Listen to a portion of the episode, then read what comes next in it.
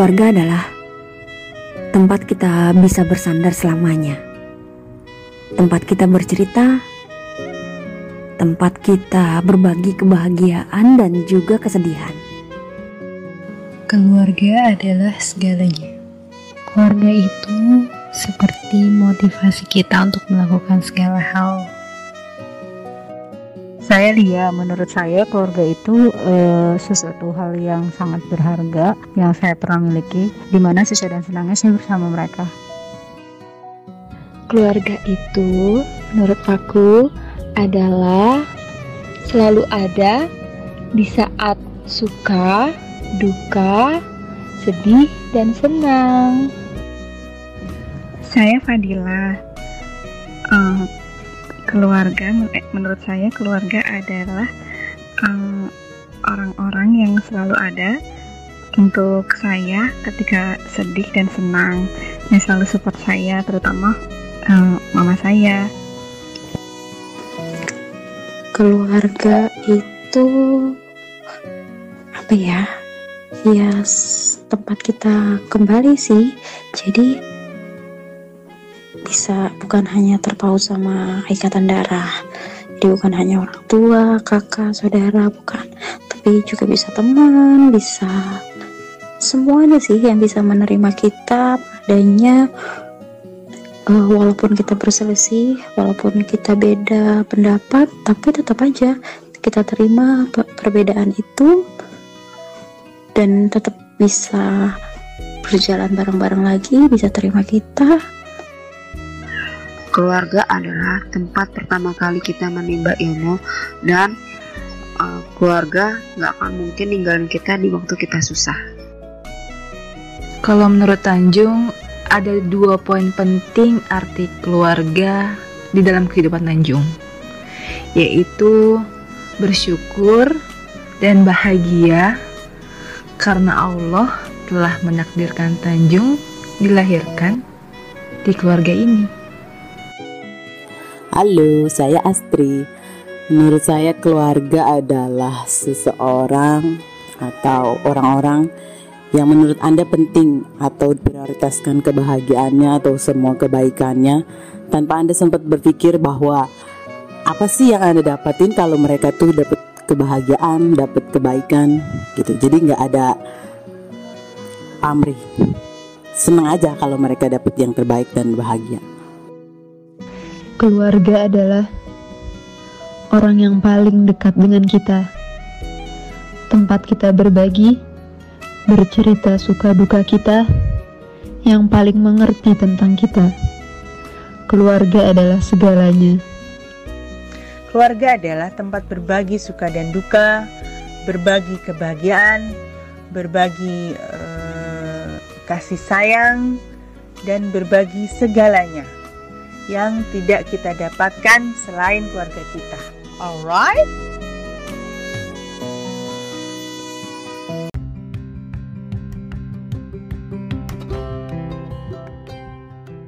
Assalamualaikum warahmatullahi wabarakatuh. Halo teman cerita, selamat datang kembali di podcast Ayu Cerita. Senang banget nih bisa menyapa dan berbagi cerita lagi dengan kalian di sini. Dan di episode kali ini, aku pengen banget membahas tema tentang keluarga. Makanya, khusus di episode kali ini aku minta bantuan beberapa temanku untuk menyuarakan opininya tentang arti keluarga bagi mereka. Tadi kita udah dengerin sama-sama ya teman cerita, arti keluarga dari opini teman-temanku. Sebelumnya aku mau ngucapin terima kasih untuk teman-teman yang udah mau menyuarakan opininya khusus di episode ini. Jujur nih, aku sempet ikutan terharu dengernya karena opini teman-teman itu membuatku semakin berpikir kalau arti keluarga itu emang dalam banget. Dan memang aku cukup sensitif sih kalau udah bahas tema-tema seperti ini. Karena aku ngerasa keluarga itu adalah circle pertama dan terdekat kalau dalam kehidupan pribadiku. Ya walaupun terkadang pada kenyataannya ada aja nih konflik kecil yang pernah terjadi antara anggota keluarga. Tapi itu wajar banget menurutku ya namanya hidup ya pasti akan ada aja problem dan konflik yang muncul. Tapi bagaimana kita bisa belajar mencari solusi untuk menyelesaikan konflik tersebut? Dan bagiku, tema tentang keluarga itu menjadi salah satu topik yang menarik untuk dipelajari. Kalau ditanya persisnya sejak kapan aku tertarik dengan tema atau ilmu-ilmu yang terkait dengan keluarga, hmm, jawabannya kayaknya sejak di bangku kuliah deh. Itu pun tanpa aku sadari kayak ngalir gitu aja sih. For your information nih teman cerita, background pendidikanku itu di bidang ekonomi. Aku itu lulusan sarjana ekonomi jurusan manajemen di salah satu universitas di Indonesia. Tapi kebetulan saat pertama kali masuk ke universitas, angkatanku itu mendapat kesempatan untuk memilih atau mempelajari ilmu lain di luar jurusan utama kita.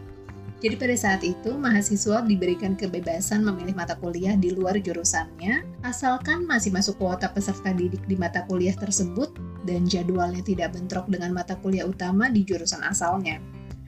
Dan di universitasku itu di tahun yang sama saat aku masuk sebagai mahasiswa baru, ada departemen baru yang bisa dibilang baru didirikan atau baru launching. Nama departemennya adalah Departemen Ilmu Keluarga dan Konsumen. Pada awalnya sih aku memilih mengambil beberapa mata kuliah di jurusan tersebut untuk memenuhi target jumlah SKS sebagai syarat kelulusan di universitas. Niat awalnya sih ya, sebenarnya aku berharap mata kuliah penunjang yang aku ambil bisa benar-benar menunjang dalam artian nilai mutu yang aku dapatkan di mata kuliah tersebut bisa bagus. Jadi paling tidak tuh IP ku bisa naik. Nah, aku tuh pengennya mata kuliah penunjang yang aku ambil gak susah untuk mendapatkan nilai mutu A. Pas lihat mata kuliah yang ditawarkan di jurusan ilmu keluarga dan konsumen itu, aku ngerasa nih, kayaknya seru juga nih bisa belajar tentang keluarga. Tanpa tahu sebenarnya nanti itu yang diajarkan di sana detailnya bagaimana aku juga nggak ngerti. Singkat cerita, akhirnya aku mengambil 5 mata kuliah di departemen tersebut sebagai mata kuliah penunjang. Dan pada saat masuk di kelas pertama, aku tuh udah ngerasa enjoy banget nih ikut mata kuliah di Departemen Ilmu Keluarga dan Konsumen. Gak tahu kenapa ya, kayaknya aku ngerasa di setiap pertemuan mata kuliah tersebut, aku semacam mendapatkan insight baru tentang keluarga. Mungkin karena memang aku ngerasa kehidupan keluarga itu emang sangat dekat dengan kehidupan pribadiku.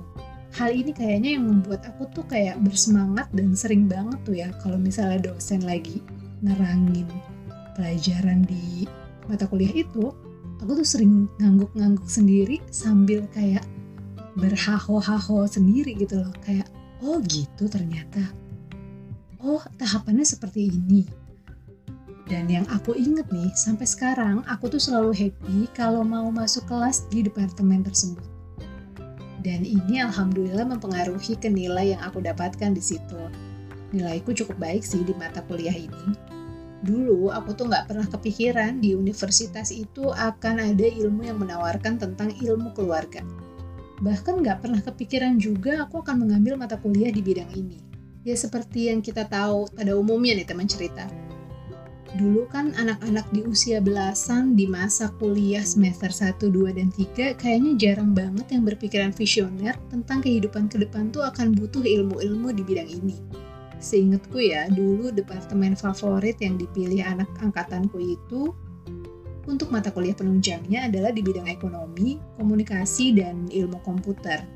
Malah kadang ada teman-temanku yang suka nanya, lo pilih mata kuliah penunjang apa yuk?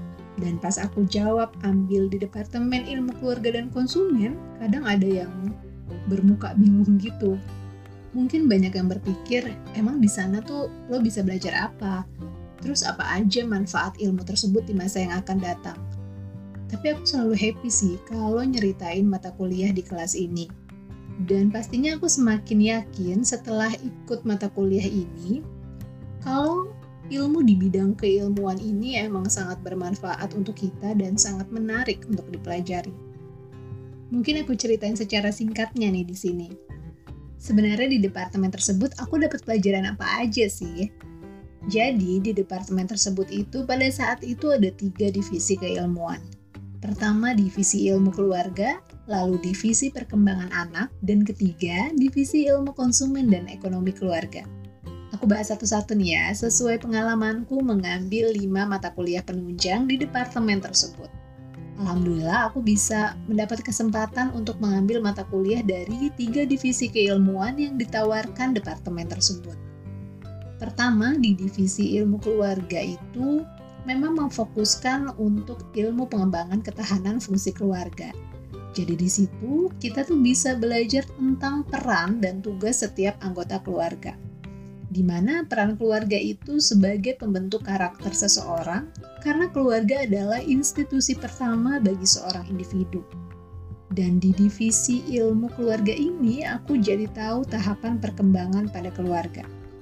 Seperti yang kita ketahui nih teman cerita, keluarga itu akan berkembang dilihat dari sisi usia pernikahannya maupun penambahan anggota keluarga baru lewat hadirnya keturunan.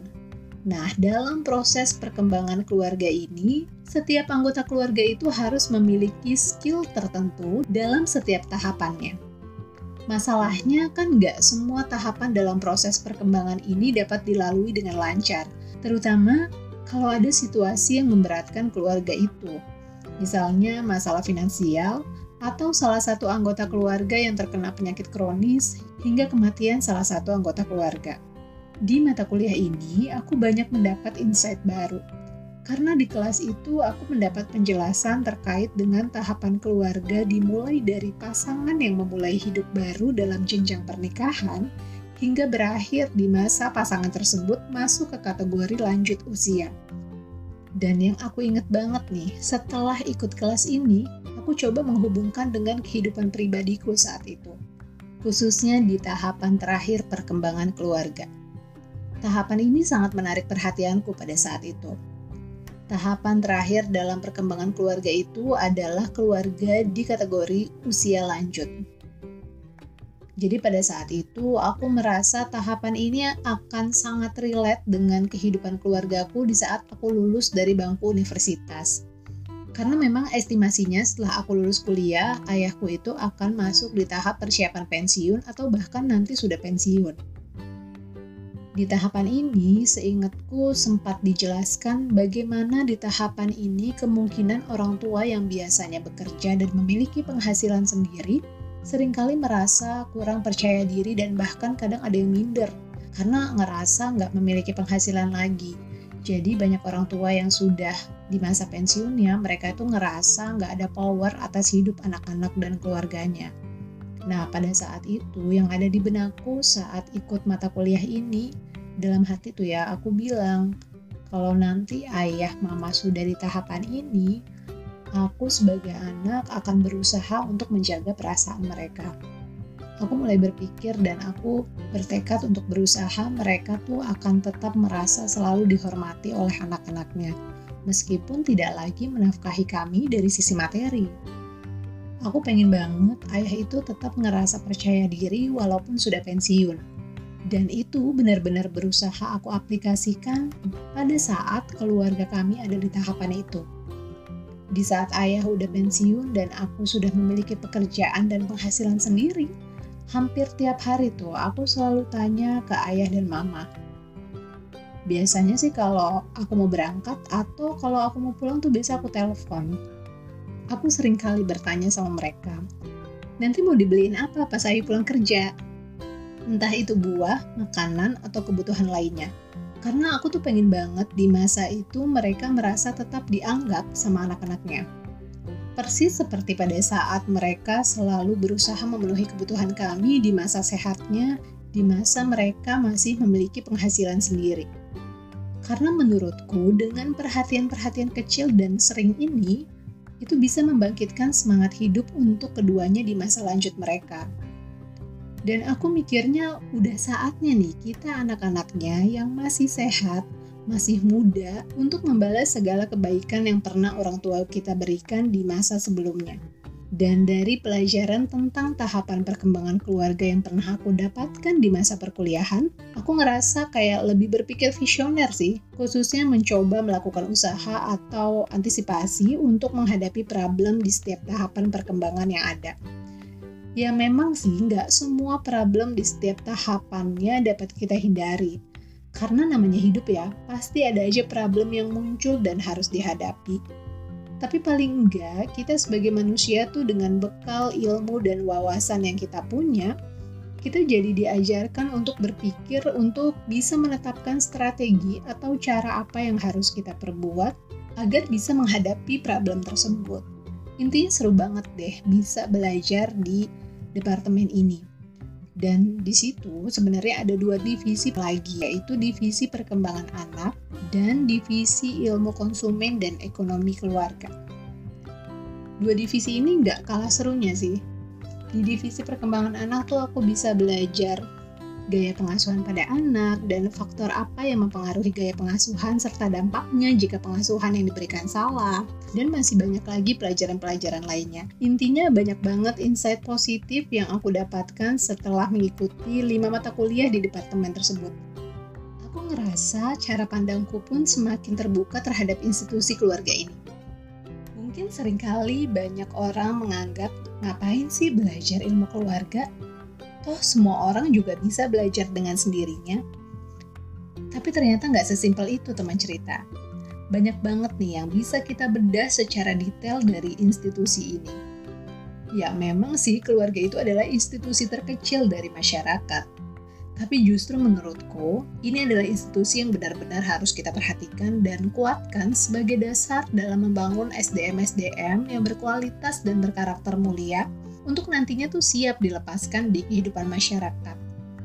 Walaupun di masa perkuliahan aku cuma belajar 5 mata kuliah di departemen tersebut, ya bisa dibilang cuma dapat dasar-dasar keilmuannya aja, tapi ini ternyata membuatku tertarik untuk mempelajari ilmu tersebut di jalur non-formal. Jadi beberapa tahun belakangan ini aku tuh cukup tertarik ikut kajian-kajian yang bertemakan tentang keluarga dan parenting dari sudut pandang agamaku yaitu agama Islam. Dan alhamdulillah, sejak memutuskan sebagai freelancer, aku jadi semakin punya waktu untuk belajar hal-hal lain. Salah satunya ya belajar ilmu ini. Dan ternyata makin seru lagi nih setelah belajar ilmu keluarga ini dari sudut pandang Islam. Cara berpikirku tuh jadi semakin terbuka di sini. Banyak hal yang sebelumnya nggak terpikirkan karena ikut kajian tersebut tuh aku jadi semakin tahu dan sadar kalau institusi keluarga ini sangat luar biasa. Islam sendiri sangat peduli pada institusi ini. Allah Subhanahu wa taala berfirman dalam surat At-Tahrim ayat 6 yang artinya, "Wahai orang-orang yang beriman, peliharalah dirimu dan keluargamu dari api neraka yang bahan bakarnya adalah manusia dan batu." Dalam ayat ini menjelaskan makna bahwa Allah Subhanahu wa taala itu memerintahkan kita untuk mendidik diri sendiri dan keluarga dengan ajaran-ajaran agama. Dengan begitu akan terwujudlah keluarga muslimin yang bertakwa dan berakhlak baik. Dan dampaknya akan meluas jika kita berhasil mewujudkan keluarga dengan insan-insan yang berakhlak baik. Ini akan berdampak besar ketika insan-insan berkualitas ini berkiprah di lingkungan masyarakat dalam kajian-kajian yang bertemakan keluarga, aku juga semakin belajar bagaimana Islam mengajarkan untuk bagaimana menjalankan peran sebagai anggota keluarga. Entah itu sebagai suami, istri, ayah, ibu, atau anak. Misalnya nih, aku jadi tahu tugas orang tua itu tidak hanya sekedar memenuhi kebutuhan pangan, sandang, dan papan pada anaknya tetapi orang tua itu juga memiliki tugas untuk memberikan kasih sayang dan pendidikan pada anaknya, terutama pendidikan agama sebagai dasar untuk anak-anaknya kelak menjadi pengantar ke surganya Allah. Dan masih banyak lagi nih insight-insight baru dan seru setelah aku ikutan belajar di kajian tentang keluarga. Next mungkin aku akan bahas nih di episode-episode mendatang.